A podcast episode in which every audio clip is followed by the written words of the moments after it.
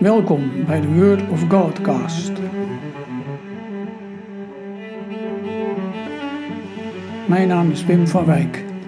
In deze podcast hoor je elke aflevering een meditatie over een Bijbeltekst, afsluitend met een kort gebed.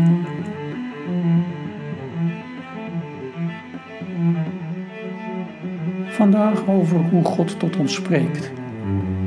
Woorden van God zijn hemelse woorden. Toch zal niemand willen beweren dat de Bijbel, als het woord van God, een boek is dat rechtstreeks uit de hemel gevallen is.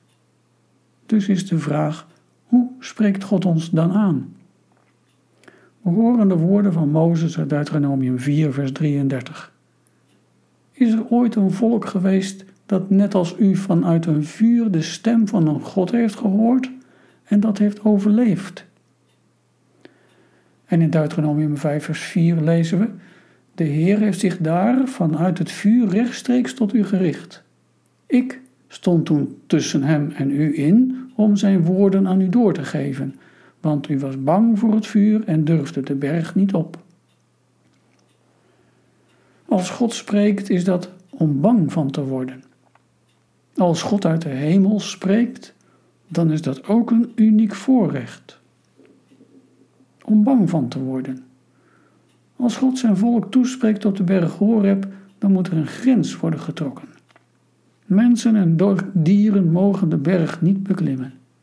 Het mag niet. Maar de Israëlieten durfden ook niet.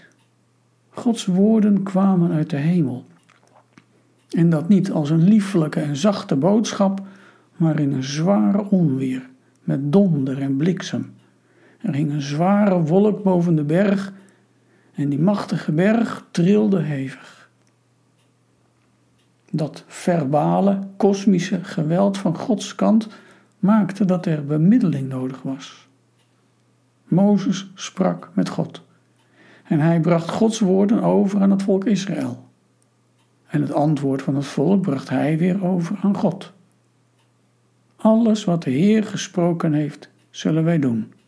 Exodus 19, vers 8. Woorden van God, rechtstreeks uit de hemel gesproken, kunnen wij niet aan. Dat zou je niet overleven. Tegelijk is het ook een uniek voorrecht. Dat beluister in de woorden van Mozes.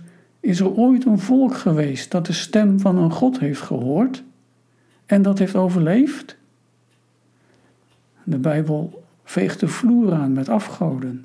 Ze kunnen niet spreken, ze kunnen niet horen of zien, maar God, de levende God, laat van zich horen. Het volk Israël aan de voet van de Sinai had een unieke ervaring. Op deze wijze had God niet eerder gesproken.